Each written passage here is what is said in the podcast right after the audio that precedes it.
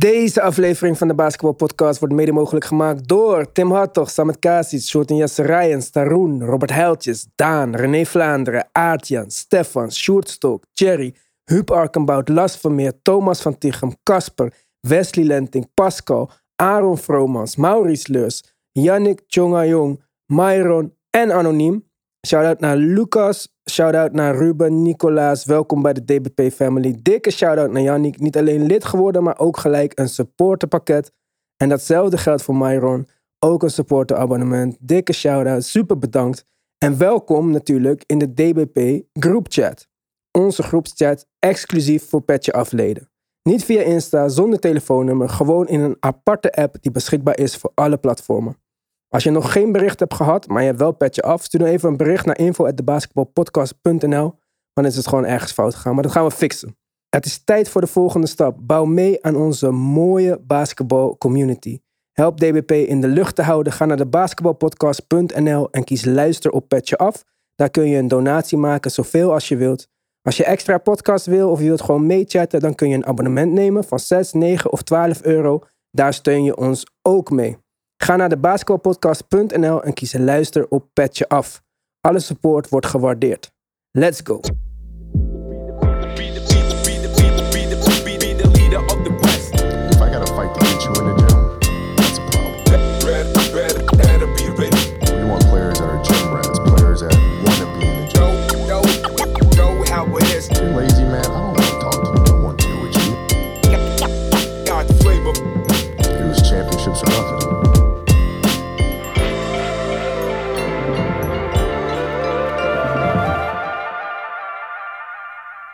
Haal je bezem uit de schuur, want er komt een sweep aan. Niet bij de Toronto Raptors, want die wisten op de valreep nog een wedstrijd te winnen. En je zou misschien denken, 3-1 is nog steeds een comfortabele voorsprong voor Philadelphia. Maar dan vergeet je misschien wie de coach is van de Sixers. Inderdaad, Doc Rivers. De enige coach ooit die drie keer een serie heeft verloren waarin hij 3-1 voorstond. Het begon bij de Magic in 2003 met een MVP-level Tracy McGrady. Orlando verloor toen van de Pistons. Vervolgens gebeurde het in LA met een prime CP3 en Blake Griffin in de conference semifinals tegen de Houston Rockets. En later natuurlijk nog een keer met de Clippers in 2020, waardoor hij ontslagen werd en in Philadelphia belandde. Doc bezit ook nog eens het record van meeste verloren Game 7's. Rivers verloor er 8 in zijn carrière als coach. Dus ik ben heel benieuwd hoe de Sixers-fans zich voelen. Helemaal nu Embiid's duimblessure ook een groter probleem lijkt dan iedereen dacht. Maar goed, gesweept worden ze in ieder geval niet. Een andere MVP-kandidaat dus misschien wel. Jokic doet wat hij kan, maar 37 en 18 statlines zijn niet genoeg om zijn Nuggets aan een overwinning te helpen. En daar kun je verschillende redenen voor verzinnen. Blessures, slechte prestaties, van onder andere Will Barton bijvoorbeeld. Maar de media buigt de narrative toch meer naar: is dit nou de MVP? Waar als dit bij LeBron was gebeurd, de berichten misschien waren geweest: get him some help, LeBron out here, deze bams aan het dragen en dat soort geluiden. Maar misschien heeft het ook niet eens zoveel met Jokic of met Denver te maken. Misschien ligt het een beetje aan hun tegenstander. Want zijn de Warriors gewoon niet terug? En zij zijn dan ook niet met Booker out, de nieuwe favoriet, in het Westen. Met een nieuwe dead line-up. Een line-up die toekomstige tegenstanders nu al stress bezorgt. Poole, Thompson, Steph en Draymond. PTSD. Hoe ver kunnen zij komen? Francisco, jij hebt ze in je laatste voorspelling al in de finals gezet. Wat verwacht je van deze nieuwe Warriors? De belangrijkste spelers zijn er weer en die zijn super fit. Mhm. En mijn verwachting voor dat team is dat ze alleen maar blijven groeien eh, gedurende de playoffs. Kijk, ze, eerste ronde gaan ze heel makkelijk van de Denver Nuggets winnen. Dat, dat zien we gewoon. Ehm, ik verwacht eigenlijk, eh, eigenlijk heel weinig, moet ik eerlijk zeggen. Ik Hoezo? verwacht, ik verwacht, dat, ik verwacht dat ze gewoon heel, heel ver gaan komen. Mhm. Maar voor de rest verwacht ik niet heel veel. Nee? Nee, want ze doen wat ze altijd hebben gedaan. Maar toch, alleen die Booker-blessure was voor jou al genoeg om te zeggen: oké, nu zijn de Suns geen favoriet meer, de Warriors worden de nieuwe favoriet voor de Inderdaad, omdat ze zo goed spelen. Voorheen heb je het altijd gehad over dynasties, toch? Mhm. En een dynasty is eigenlijk wat je creëert als je één, een goede leider hebt. Twee, een goede coach hebt. Een coach die de spelers kan ontwikkelen. eh, spelers hebt die voor elkaar willen werken. En dat creëert dus championships, wat ze hebben gedaan. Dus dynasty. Multiple championships achter elkaar, toch? Mhm. Ja? Jarenlang finales gehaald. Dynasty. En nu is dat onderbroken vanwege blessures. En dus die gasten zijn ervaren en gaan het nu weer laten zien dat met die ervaring die ze hebben, nog steeds gaan groeien in de playoffs. En dat laten ze nu zien. Ja, ze hebben, het team hebben ze versterkt. Er zijn spelers bijgekomen en ze ontwikkelen, ze ontwikkelen jong talent. Cominga, Mhm. speler die geen minuten maakt nog. Fucking, is een star man, in the making. Mhm. Super freaky atletisch. In de reguliere seizoen gek. En dan uit het niets, Jordan Poole. Heeft gewoon green light. Want die laatste play die hij had tegen Jokic. Jokic. Jokic. Ja? Hey, hard drive naar de baseline. Triple step back. Voor een drietje. Nou, dan, dan heb je ballen om dat te doen. Vind ik. Mhm. Ja, en zet eigenlijk Steph Curry op de bank. Ja, tuurlijk, Steph Curry zou heus wel die startende plek gaan innemen binnenkort. Maar er is geen angst in die man zijn hart om schoten te nemen. Dus wat ik verwacht is eigenlijk niets. Ik verwacht alleen maar dat ze heel ver gaan komen. Oké. Dan wil ik even inhaken op wat je net zei. Dan heb ik een vraag voor jullie. Want Poel start nu. En dat doet hij omdat Stef geblesseerd was. En Poel was heel goed aan het begin van het seizoen. En dat werd wat minder toen Clay terugkwam. Toen hij naar de bank moest. Toen zijn rol een beetje veranderde. Want hij is natuurlijk nog niet een superster op het niveau van Steph en Clay en Draymond. Maar zo speelde hij wel onbevangen aan het begin van het seizoen. Maakt het niet een stuk makkelijker voor hem nu dat hij weer mag starten? Ik denk dat dat wel een rol speelt, ja. En ik denk dat het, voor zover je nu eh, de Warriors ziet rollen, wel een klein vraagteken is van wat gebeurt er op het moment dat Steph wel weer in die starting line- line-up komt en, en Poole dus weer van de bank moet gaan komen. Eh, hij heeft laten zien dat hij het kan, maar we hebben inderdaad ook een fase gezien toen net terugkwam. En, en de fase voorafgaand daaraan dat hij eh, op de bank werd gezet en, en in die rol weer eh, moest, Mhm. moest gaan embracen, zeg maar. Dat dat niet helemaal vanzelf ging. Nou ja, dat kan in de reguliere seizoen, kom je daar prima mee weg. Ja. In een playoffs natuurlijk niet. Dus ja. En nu weten we niet wat er was gebeurd als het regular season nog twee maanden langer had geduurd. En ze hadden wat meer tijd gehad om dit nieuwe, deze nieuwe rol voor hem uit te vogelen. Maar ik denk ook dat hij niet dit, de- deze serie weer naar de bank gaat. Ik denk dat ze deze serie afmaken zoals ze nu doen, zeg maar. Maar dan kom je dus in de volgende ronde tegen de Timberwolves of de Grizzlies. Dan neem ik aan dat je Steph weer start vanaf wedstrijd 1. Je gaat niet wachten tot het een beetje fout gaat om weer die aanpassing te, te maken. Want dan kom je nog meer in onbekend terrein. Maar ja, zou er ergens een optie zijn om Stef van de bank te laten komen? Vind, is het echt een hele gekke idee, zeg maar? Nou, niet gek. Het ligt wat mij betreft niet voor de hand. Ik, ik weet niet hoe Stef daarin staat. Ik weet niet hoe, hoe, hoe, hoe een, een, een, laten we zeggen, een ster Stef is als het gaat om eh, nou ja, dit soort eh trotsdingetjes, zeg maar. Bij Clay was het belangrijk dat hij gelijk weer start. Ja. Er was geen optie voor hem om van de bank te komen na zijn Exact. blessure. Ik weet niet hoe de persoonlijkheid van Stef in elkaar zit en hoe die, hoe die misschien wel accepteert als de coach zegt van kijk hoe we deze serie zijn doorgekomen in, in deze rotatie met, met Stef van de bank. Het, het, het, het is, gewoon een succes. fijn? Het ziet er goed uit, het draait. Waarom zouden we dat nu aanpassen? Ja, maar dit is toch ook jouw, zeg maar, jouw zwakste punt, is geblesseerd raken. Want dat is eigenlijk het enige wat Stef heeft gestopt in zijn carrière. Blessures. Waarom wil je niet eh, acht minuten minder spelen en wat, gooi je er nog een ring bij? Is toch prima? Ja, ik- Zou jij dit, San Francisco, denk je dat dit... Nee, Je praat gek nu. Ja, maar je vindt echt Ja, dit geen Steph? Curry, go- Steph Curry gaat toch niet zeggen, ja, ik kom van de bank. Tuurlijk niet. Nee, maar waarom niet? Waarom Als hij wel? nog een beetje geblesseerd Maar waarom is. wel? Hij is toch geblesseerd? Hij is niet geblesseerd, hij scoort 30 punten. Ja. Hij is klaar om te starten. Ik denk dat hij de volgende wedstrijd wel gewoon in de basis staat misschien. Volgende wedstrijd van deze serie. Ja? Ja? Jordan Poole gaat Steph Curry toch niet op de bank houden? Ben je gek? Hoezo niet? Wat Nee. maakt het uit? Draymond Green is not accepting that. Nee? Nee. Hoe Geen goed, kans. Hoe goed Jordan Poole ook is, eh, Steph Curry is de ster bij de Golden State Warriors. Van de bank. Gaat er goed? Ze winnen toch? Ja, dus?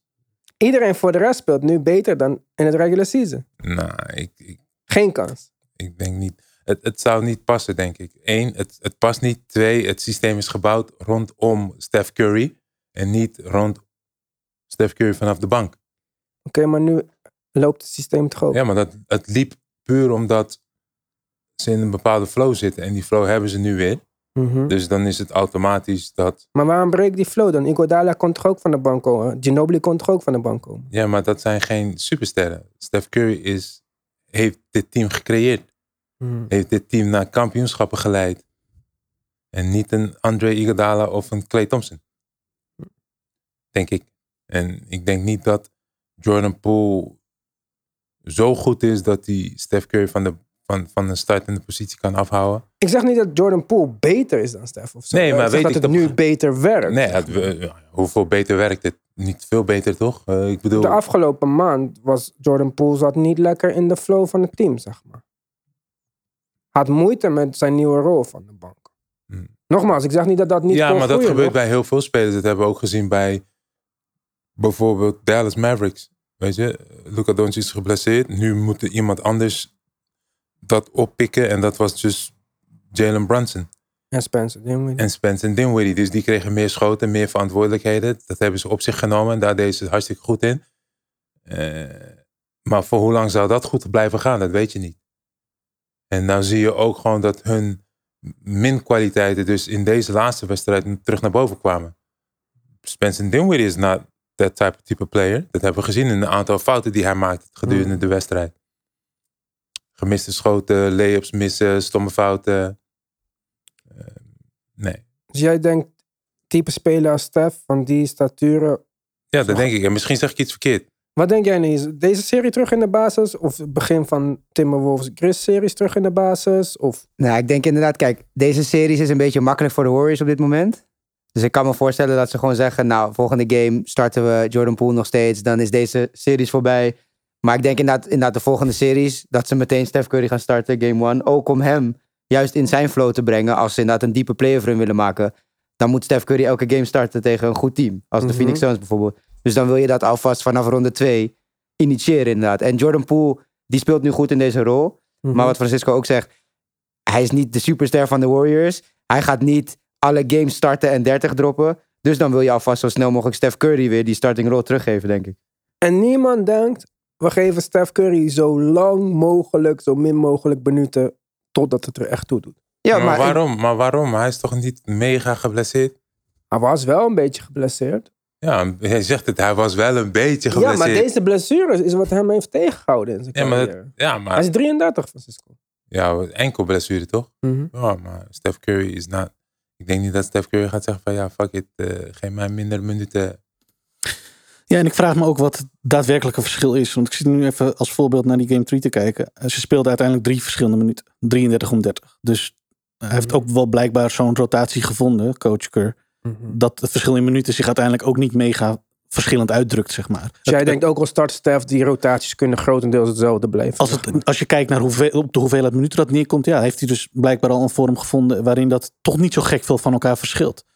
Dat is wel een goede uitgangspositie. En als voor Stef dat dan ehm, wa- waardevol is om gewoon weer te starten. Want ik kan me inderdaad wel voorstellen dat iemand van zijn statuur zegt van nou, eh, ik hoor gewoon te starten, klaar. Als ik enigszins kan spelen, dan start ik. Ehm, dat hij dat dan dus gewoon doet. Maar wil niet zeggen dat hij veel meer minuten dan Poel gaat spelen. Als ik kijk naar wat ze Ja. nu eh, met hem van de bank doen. Maar zien jullie dit niet als een valkuil, dat we deze line-up weer gaan switchen? Is het niet een mogelijke valkuil? Mensen schudden, denken, het is een videopodcast of het zo. is, het is altijd een mogelijke valkuil. Omdat, wat ook eerder aangekaart werd, dat Jordan Poole al eerder, toen zijn rol veranderde, een beetje een dip Mhm. had. Maar met al deze veteranen in dat team, denk ik wel dat ze hem een goede boost kunnen blijven geven. En hij heeft nu wel echt zelfvertrouwen in de playoffs. Dus wat Tim ook zegt, ja oké, als Jordan Poole niet start, maar nog steeds 33 minuten maakt per game, dan voel je je ook wel goed als benchplayer. Kijk, Ja. als hij opeens 20 minuten maar speelt of 15, dan gaat hij misschien in zijn hoofd zitten. Bijvoorbeeld. Ja, helemaal, helemaal gelijk met hem. Maar ook dat hij zegt, weet je, want jij zegt dat Jordan Poole dus voordat hij eh, in die flow zat, Mhm. maar dan speelde hij toen met Draymond Green. Ja. Was Draymond Green toen geblesseerd aan zijn rug? Nee, dat was wel... Hij ging naar de bank toen Clay terugkwam en ietsje later kwam Draymond terug, toch? Oké, Ja, Oké. welke andere valkuilen zijn er voor dit Warriors team? kunnen ze misschien tegen problemen aanlopen als ze tegen een goede big man gaan spelen? Zijn er nog goede big men over in de West? Volgende ronde misschien tegen Cat? Nee, Draymond Green. Een goede big man. Je speelt daar tegen de beste big man in de league. Dat is Jokic. Ja. Ja.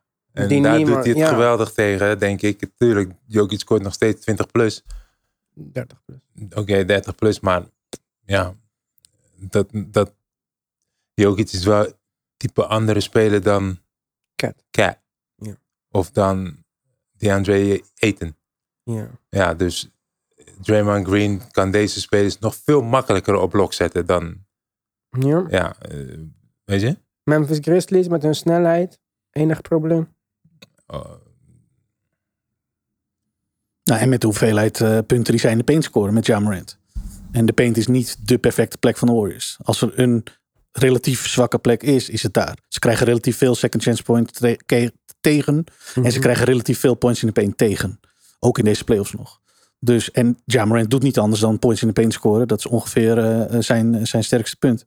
En ook het zwakste, want sinds hij terug is, is ook dat team makkelijker te verdedigen. En ze staan nu als nummer 2 seed tegen een number 7 seed. Gewoon 2-2 gelijk in deze serie. Ja. Dus hoe goed gaat dit werken?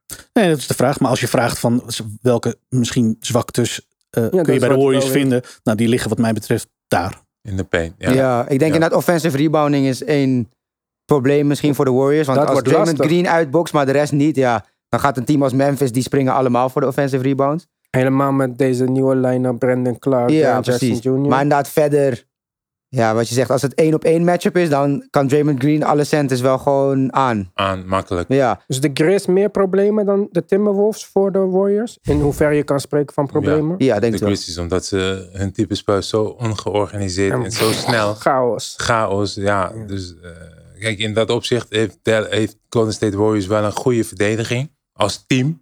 Weet je, als die gasten staan, dan staan ze er ook echt. Dan wordt er geholpen en dan wordt er gecommuniceerd.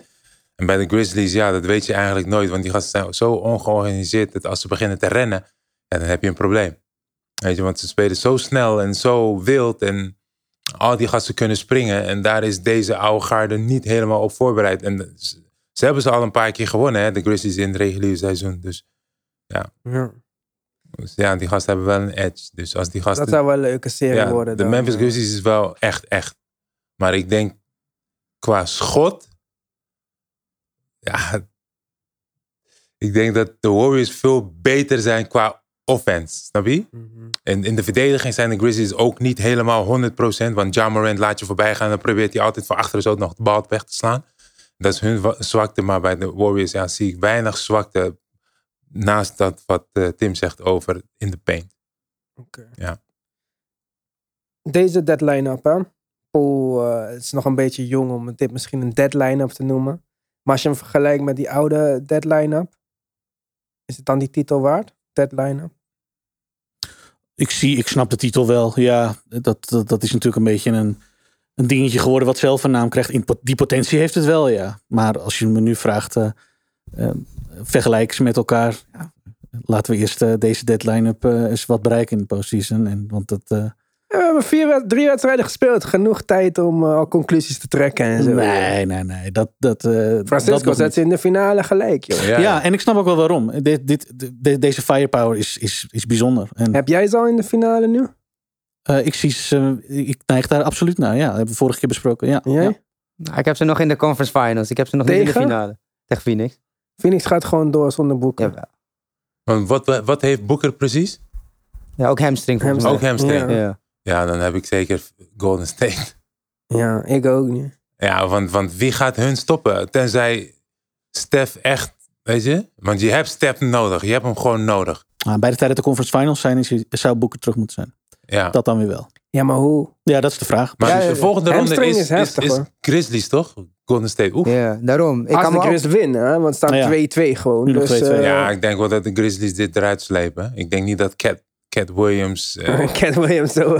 ja, ik denk niet dat hij... eh, ik denk niet dat Cat dat, dat dit volhoudt. Hij is zo ik vind Cat... unpredictable. Ja, maar ik vind hem ook een beetje tegenvallen. Hij lijkt heel undecisive en zo. En eh, Hij is gewoon niet echt gemaakt voor deze big moment. Ja, ik denk dat als de Grizzlies echt zeggen van, weet je wat, we want all the smoke, we coming up the chimney. ja. En we zijn in Minnesota, ja, dan moet je wel eventjes het vuurtje aanlaten. Dat, dat, weet je, want die gasten praten heel veel. Ze hebben natuurlijk de laatste wedstrijd met één punt verloren. Mhm. Maar kom op. Uit ook nog. Ja, laat, laat even zien dat je echt, weet je, zet je tanden erin en boom, finish die shit. Verwacht ik uiteindelijk ook al van de Grizzlies. Ja. Ja, maar, maar ja, dat, ja, shit, dat was ik helemaal vergeten. Ik dacht juist dat een andere tegenstander was. Ik, ja. Maar dan zie ik nog steeds Golden State Warriors, joh. Die gasten hebben te veel vuurkracht en te veel ervaring eh, om, om te zeggen dat ze het niet halen. En dan zie ik zeker niet een Phoenix Suns om hun te stoppen. Zie ik gewoon niet. Als Booker hamstring, en we weten, we weten niet in welk grade blessure die hamstring is, maar als het een blessure is, je zag hem, hij was ook niet heel explosief meer hè, in de eerste. Dus ik ben benieuwd hoe lang die zich, zeg maar, hè, afwezig gaat houden om die blessure. De vraag is hoe die, terugkwam, oh, hoe die terugkomt inderdaad. Ja. Het, is, het, is, het lijkt helder dat hij in de, playoffs, in de loop van de playoffs wel gaat terugkeren. Hij was sowieso done voor de series. Dus hoe die series ook gaan eh, boeken gaan we niet terugzien. Maar inderdaad, hamstring is tricky. is tricky, Helemaal voor, voor, voor iemand als Booker. Dus weet ja, je? Ja, hoe gaan we dat terugzien? Booker is stop and go. Weet je, de lucht in. En James Harden is eigenlijk step back. En je ziet hoeveel moeite Hij al heeft. ah, hij al heeft. Devin Booker wel iets fitter dan James Harden natuurlijk. Ja, zeker. Maar goed, daar gaan we het zo wel even over hebben op Petje Af natuurlijk. Want daar praten we straks gezellig verder. En voordat we verder gaan naar het volgende onderwerp. Even een herinnering voor iedereen die wel Petje Af heeft. Maar zich nog niet heeft aangemeld voor de groepschat. Als het goed is, heb je een e-mail gehad met de uitnodiging. Zo niet, stuur mij dan even een berichtje. Want het begint echt gezellig te worden. Zaterdagavond hebben we al gewoon chat een 2,5 wedstrijd samen gekeken. Dan vallen die time-outs en zo ook al weer veel meer mee. Dus je kan mij bereiken, ons bereiken via Instagram, at de via Twitter, at de of via e-mail, info, at de basketbalpodcast.nl. Nou, gaan we verder met misschien wel de, de meest onverwachte mogelijke sweep. Boston Celtics tegen de Brooklyn Nets. Brooklyn, dat team wat niet op die zevende plek hoorde, want ze waren toch zoveel sterker. Zelfs Las Vegas had ze in de betting odds nog hoog staan. Staat 3-0, jongens. KD drama, wat is dit? KD average 5,7 turnover per game. Drummond, drie keer beste rebounder in de NBA. In 20 minuten gemiddeld 3,7 rebounds. Bruce Brown is de topscorer van de Brooklyn Nets. Wat is hier aan de hand? Ja, het is, eh, ik moet ook wel zeggen, kijk. Oké, Brooklyn, als ze al die injuries niet hadden, waren ze inderdaad geen zevende seed. Ik denk dat iedereen dat wel zag aankomen. Ze hadden waarschijnlijk wel vierde, derde geëindigd dit seizoen. Maar ze hebben ook wel echt het slechtst mogelijke team getroffen voor hun qua matchup met Boston. Want Boston is echt gemaakt inderdaad om dit soort spelers als Kevin Durant en Kyrie Irving te stoppen. Oké, maar waarom dan na drie wedstrijden geen enkele aanpassing? Want kijk, ik snap jouw punt. Hè? Tatum is misschien nu op dit moment de best mogelijke verdediger voor Durant. Qua lengte scheelt hij het minste. Is een van de betere perimeter wing verdedigers in de NBA. Krijgt help van Horford. Het, is, het werkt, want hè, wat zeg ik? 5,7 turnovers per wedstrijd. Maar wanneer komt dan een play van Nash een idee om iets te doen als KD gedoubleteamd wordt? Maar kijk, als je, als je de wedstrijd hebt bekeken in de, in de eerste, voornamelijk de eerste. Eerste was de meest close wedstrijd. eerste was meest close. Maar ik zei ook tijdens eh, het co-commentaarschap dat ik doe op ESPN van die wedstrijd. Hè, het fysiek, de manier waarop ze hem hebben aangepakt in die eerste wedstrijd. Het duwen. Weet je, want hij, hij komt, hè, balloos op top of de key. Hij gaat naar de blok, krijgt dan een downscreen. En dan, dan zodra die downscreen wordt gezet, krijgt hij nog een screen, toch? Mhm. En dan krijg- komt hij op de wing, zeg maar, voor een schot. Dat, dat daar pakken ze gelijk aan. Duwen ze hem van zijn plek af, zodat hij de bal wat verder vandaan kan krijgen en wat moeilijk de bal kan ontvangen. Dus dat laat al zien wat het idee is van Boston. Wij gaan jou fysiek aanpakken. We gaan Kyrie fysiek aanpakken. Eén tegen één. Verschillende switches, zoals hij net ook aangeeft. We hebben de lengte om dat te matchen. We switchen alles. Dat hebben ze altijd al gedaan. Ze switchen alles en dan staan ze erachter klaar. Wat er ook gebeurt. En jij zegt net, ja, welke aanpassing moeten ze maken? Er is geen aanpassing. Welke aanpassing wil je maken? Dat hij dan enige aanpassing wat je kan doen is of hij moet fysiek gaan spelen of hij moet zelf de bal opbrengen. Maar dat doet hij al bijna. Maar dat doet hij. Dus hij raakt uitgeput vanwege het fysieke ge- geweld dat die, dat die constant krijgt van die andere spelers. Toch? Want we hebben gezien in die vorige, vorig jaar eh, tegen eh, eh, Milwaukee Bucks hoe PJ Tucker hem had verdedigd. Hoe fysiek dat was, face-to-face. Dus dat is eigenlijk al de blueprint dat hij dat irritant vond. En dat hij zo fysiek werd aangepakt. Dus daar is al geen, geen aanpassing voor nodig. Het enige wat je kan doen is. Oké, die is niet de type speler die. Vroeger bij, bij OKC was hij wat jonger. Dan kon hij een downscreen krijgen. Of hij kwam van die pick-and-roll af. En dan, of hij kwam van de staggered screens af. En dan kon hij een schot lossen. Maar nu wil hij heel graag op bepaalde posities in het veld de bal hebben. Waardoor hij dus makkelijker zijn eigen ding kan En doen. zou hem van die posities af. Ze halen hem van die positie af. En prima, mag hij dat doen, maar ze hebben wel. Dus als je naar die wedstrijd goed hebt gekeken, elke screen die, ze worden, elke screen die wordt gezet door iemand anders, is een switch. Of Jason Tatum blijft bij hem. En dan heb je dus 6'10 against 6'11, 6'12, 7 feet. Dan heb je dezelfde lengte en Jason Tatum is bijna net zo snel en net zo atletisch als Kevin Durant. Jason Tatum zaterdag nacht, pas in het derde kwart, zijn eerste persoonlijke fout. Dat is abnormaal. Ja, nou, en, en, en wat Boston Celtics gewoon... Je, je, je, ze laten je niet zomaar één tegen één spelen. Er is altijd helpside. En in die laatste play met Kyrie Irving... Hoe slim was freaking... ehm hoe heet die center nou? Robert Williams, Thijs. Nee, die andere. Horford. Horford. Oh, L. Horford, Horford, ja. my bad. Sorry. L. Horford om dat te double teamen. Hoe goed was dat? Op Kyrie Irving, double team, penetratie, balverlies of whatever, misschot. Geweldig. Dus ja, ze hebben een gameplan. We're not gonna let you play. We're gonna maar, attack you physically. maar dan wat met de gameplan van de Nets? Er is geen aanpassing die Steve Nash zou moeten maken. Minder Nou ja, minuten voor Drummond. Eh, Kijk hier bijvoorbeeld wat ze. Maar dan zou je eigenlijk, net waar we het net over hebben gehad, de Rudy Gobert. En vandaar dat ik denk dat. Dat doen ze toch? Er wordt een pick-and-roll gespeeld met whoever. De screener is Bruce Brown, Bruce Brown. mhm, En die had in de eerste kwart al 16 punten. mhm. Maar met hem ga je de wedstrijd niet winnen. Prima, hij mag 16 hebben, maar we zetten Kyrie. Maar Ramadan Kyrie zetten we op lok. En K- KD, eh, sorry soft ass, we're gonna attack you physically. Ja, laat Bruce, Bowen, laat Bruce Brown maar gewoon zijn 18 punten scoren. Prima. 23 punten, leading score. Dan win je je wedstrijd niet om. Snap je? Dus de aanpassing, wat, wat, wat Steve Nash heeft gedaan is, we geven KD de bal, we geven Kyrie de bal. Ja, jullie moeten het doen. Maar deze gasten worden op blok gezet. Ja, en het blijft zo doorgaan. Drie wedstrijden achter elkaar, Hm. Ja. hetzelfde. Dus de aanpassing. Ja, Blake Griffin gisteren, 10 minuten of zo, wat was het? En ja, maar kijk, iedereen had het erover, hè, toch? In het begin. Oeh, Brooklyn to the finals. Oeh. ja, Maar je hebt drie kleine guards. Je hebt Patty Mills, Seth Curry en Kyrie Irving. En die zijn allemaal spot-up shooters. Seth Curry, spot-up shooter. Patty Mills, een shotmaker, spot-up shooter. Weet je, kan leuk vanuit de swing, swing, boom. Je komt agressief naar hem toe, kan die één dribbel, boom.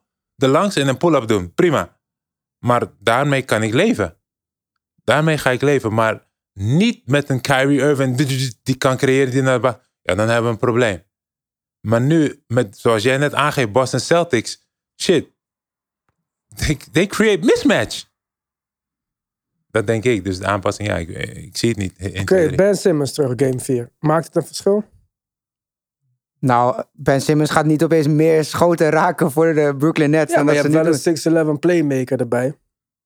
Ja, maar denk je, denk je dat Boston nu bang is voor Ben Simmons? Dat ze opeens een hele gameplan gaan aanpassen, snap je ik bedoel? Ja, maar Ze gaan hem niet opeens aanpassen. dubbelteamen en dat hij dan een makkelijke paas geeft voor KD voor een spot-up shot. Ze gaan Ben Simmons gewoon spelen zoals je Ben Simmons altijd speelt. Drie stappen in de paint en laat hem maar staan op de perimeter. Dat gaan ze doen, denk Ik ik. denk hij kan geen kans creëren voor iemand anders. Hij kan kans creëren voor de roleplayers. En hij kan kans creëren op de fast break. Want nu zijn er net gewoon niks op de fast break. Ja, maar ja, als Boston steeds de offensive rebound pakt of gewoon in één keer scoort, dan heb je geen fast breaks. Oké. Boston heeft of efficiënte offense, hè, tot nu toe. Ja, maar ja, dan denk ik dat je wel een klein beetje onderschat. Ben Simmons ook 10 rebounds. Ja, in, hoeveel juist- minuten, in hoeveel minuten, man? Ja, Hij komt- weet ik niet, Hij komt terug, zijn eerste wedstrijd terug. We hebben Nee, het ik vannacht zeg gezien. niet dat dit het gaat helpen, maar ik probeer iets te fixen nee. voor de Nets. eh. En ik snap je. En de, ik had eerlijk gezegd die aanpassingen deze game al verwacht. Want Ja. het was duidelijk dat, eh, dat de nood aan de man was. Ik en denk dat dat, viel dachten, tegen. we gaan terug naar huis en dan hebben we een soort van thuis voor de, Ja. dit is ons... eh, Ja. En dit is wat, wat Boston, wat mij betreft, een soort van de benchmark heeft gemaakt voor hoe je supersterren verdedigt. En eh, in, in zoveel voorbeschouwingen hoorde je de Nets.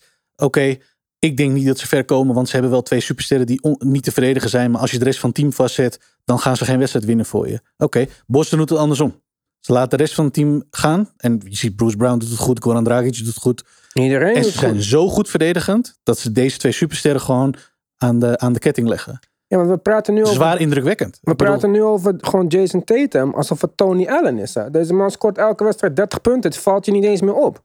Ja, Ja, maar, maar de wat, hij, wat hij ook net zegt, we leggen ze aan, we leggen ze aan wal, we leggen ze gewoon vast. Maar dat, dat, dat is bijzonder dat Ja. je dat doet.